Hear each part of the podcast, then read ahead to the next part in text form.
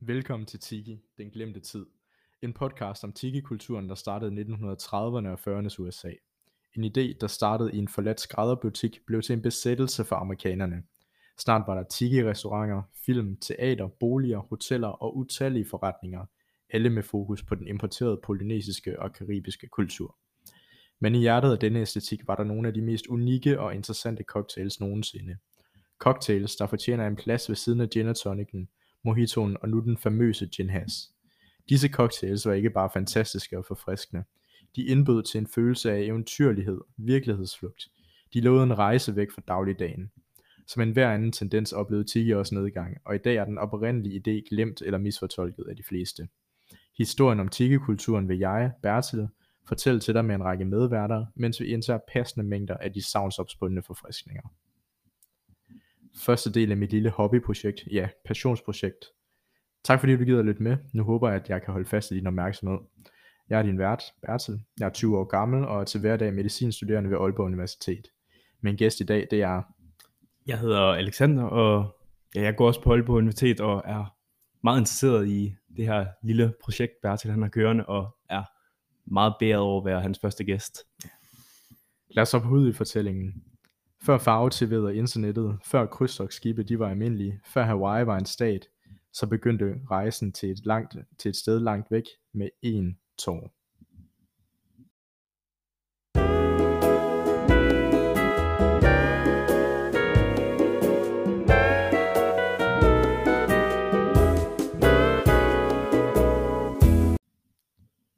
USA var dømt til at være fødestedet for Tiki.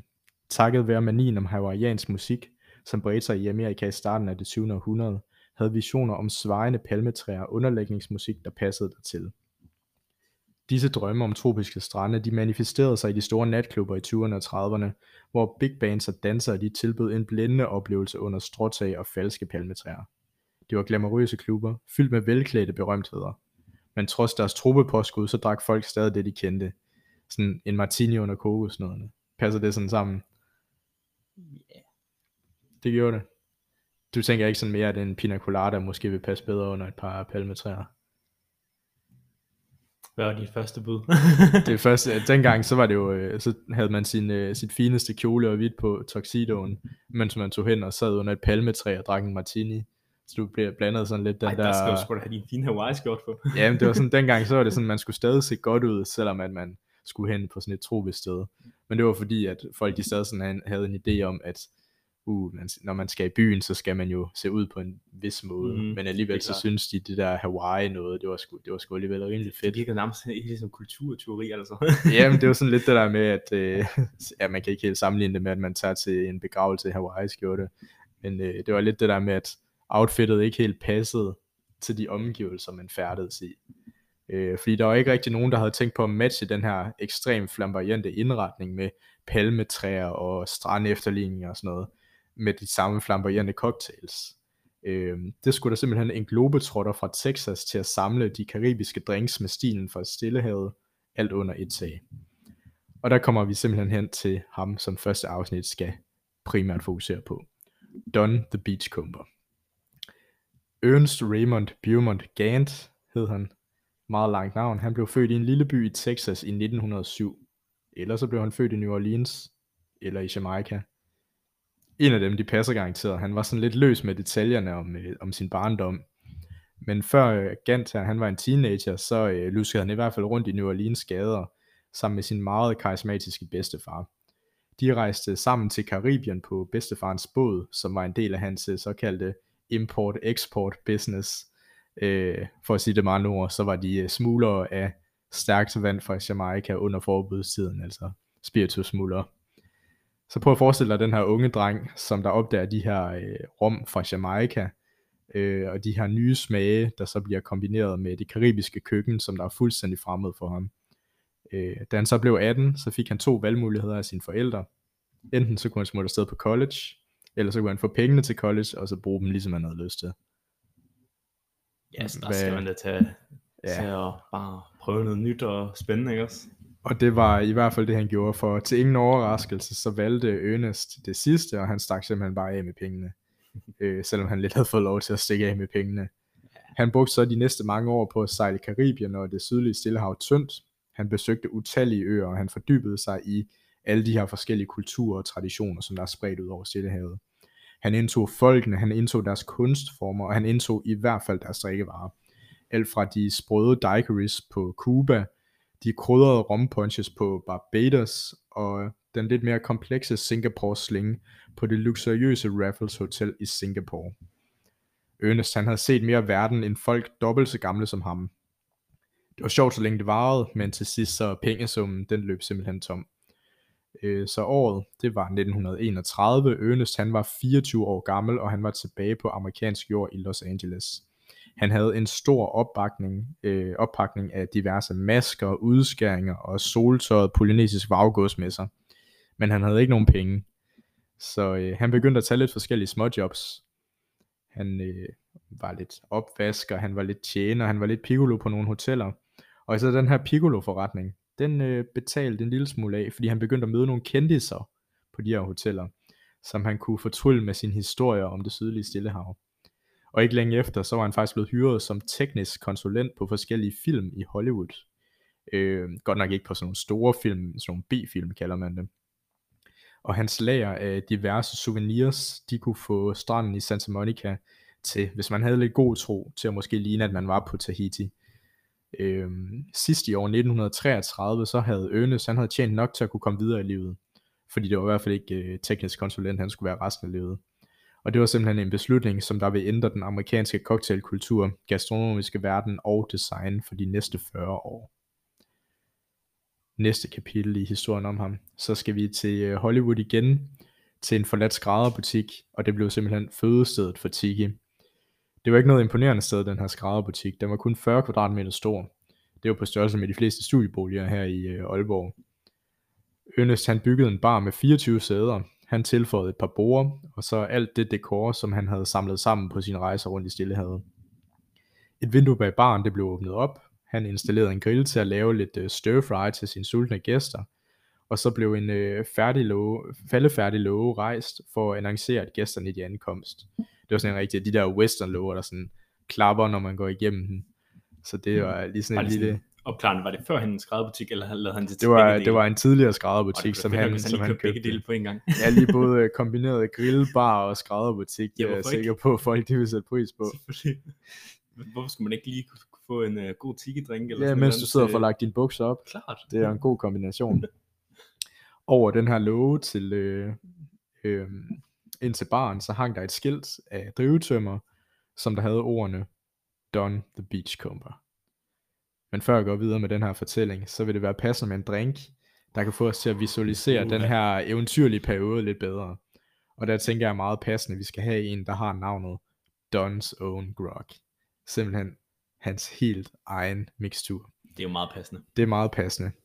Det er en uh, cocktail, som der indeholder 20 ml lime juice, 10 ml sukkersirup, en lille smule grenadine, så har den 15 ml brumbærlikør, 30 ml af det man kalder for en blended aged rom, der er sådan en øh, mørk rom, som der ikke er helt de her sorte rom, men den har, sådan, den har lidt alder på banen.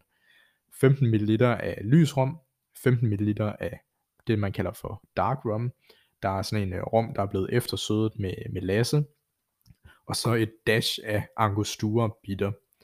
Alle de her ingredienser, de skal bare tjekkes sammen med knust is, hældes ned i et glas, og så lidt, øh, lidt kanel på toppen, eller muskat ned, hvis man øh, har det i køkkenskabene. Så tænker jeg lige, vi får klasket sådan en sammen. Det er da lidt af hele. det er lidt af en blanding. Nå, Alexander, nu har du fået en af de her uh, Don's Own Grog. Hvad er din uh, vurdering af den? Den har i hvert fald meget karakter. Meget karakter. Øhm, Kommer, kommer, kommer bombæren igennem, eller er den sådan lidt mere afdæmpet? Nu skal jeg være ærlig sige, det længe siden jeg smagt brumbær. Så jeg skulle ikke kunne fortælle dig det. Men hvis man ser på... Men det, at... det går ikke meget voldsomt igennem i hvert fald. Okay, så vi har lidt forskellige slags rum. Vi har noget lime, noget sukkersirup. Det er sådan der afbalancerer mm. det hinanden. Ja. Så den eneste sådan reelle smag, man måske vi kunne sige, kommer sådan frem, det er brumbæren. Men spiller den bare sådan mere en baggrundsrolle, eller hvad vil du sige? Jeg, jeg synes bare, det er en meget god harmoni, og jeg tænker ikke, at det, det, er sådan, det stikker sådan vildt ud i en eller anden bestemt retning, Nej. faktisk. Jamen, det er også det, der sådan er lidt øh, interessant ved tiki cocktails, at de er meget sådan afbalancerede med, at der mm. er alle mulige forskellige ingredienser i. Men det er meget sjældent, at man sådan vil kunne sige, okay, det er lige præcis det der, den smager af. Fordi du har bare alle mulige forskellige smage, der både kommer fra rommen, fra sirup fra likører, citrusfrugter, og så spiller det bare sammen til at skabe sådan en fuldstændig anderledes smagsoplevelse. Øhm, men jeg tænker, at vi hopper direkte tilbage til øh, selve historien her. Og øh, der har vi jo ham her, Don the Beachcomber, som der nu har etableret sin lille bar i øh, Hollywood. Men selvom det var i Hollywood, så havde man altså ikke set noget lignende før. Øh, fordi modsat samtidens elegante, trobetemaede natklubber, dem har vi nævnt, snakket om før, hvor man stadig havde tuxedo på og sådan noget, så øh, Don the Beachcombers bar, den var sådan lidt mere rustik, lidt mere ro i kanterne. Øh, en mands vision om en bar på en trobeø. En trobeø, som der lå lige mellem hans højre og venstre øre. Det var det, som barn den egentlig kom fra. Rummet, det var en lille isoleret øh, oase, kun få skridt fra travlheden på Hollywood Boulevard, som der egentlig lod kunderne slippe væk fra den her øh, travlhed, der foregik derude, så de ligesom følte, de forlod tid og sted. Men det var ikke indretningen, der skabte stedet. Det var drinksene. Don the Beachcomber han byggede videre på det, han havde lært på sine rejser, og gennem dette så opfandt han en helt ny kategori af cocktails. Han startede med det århundrede gamle rim. One of sour, two of sweet, three of strong, four of weak. Og han byggede lidt videre på det her rim, øhm, og så skabte han, hvad han senere kaldte sine rum rhapsodies. Han udtænkte en livstid hver af legendariske cocktails, og samtidig så skabte han en meget distinkt smag, som havde rod i de her overdådige citruslunde i det sydlige Kalifornien, som han jo var så heldig at bo lige midt i. Blandingen af at have flere krydder og søde elementer, det åbnede op for massevis af muligheder, og selv små justeringer på en opskrift, det kunne give et meget anderledes resultat. Og selvfølgelig blandingen af flere vidt forskellige rom, det gav drinksene en kompleks ryggrad, der på nogen måder overgik resten af ingredienserne. Blandt tre af de mest bemærkelsesværdige ingredienser, øh, nej undskyld, blandt tre dele bemærkelsesværdige ingredienser med en del stemningsfuld navgivning, for eksempel Missionary's Downfall eller Cobra's Fang, og så har du det, man i dag vil kalde en eksotisk cocktail. Det var under depressionen, hvor internationale rejser de var helt ude af billedet for den gennemsnitlige amerikaner. Her så tilbød de her eksotiske cocktails en ferie i et glas, du kunne holde i hænderne. Det var ligesom en harpun kastet mod det almindelige. Drinksene de gav dig en følelse af, at du var et andet sted, end du egentlig var. Et sted meget langt væk fra det ensformige job og kedelige dagligdag, som de fleste på den tid, de, øh, de levede i. Det var et sted, der var eksotisk. Men det var ikke kun cocktailen i sig selv.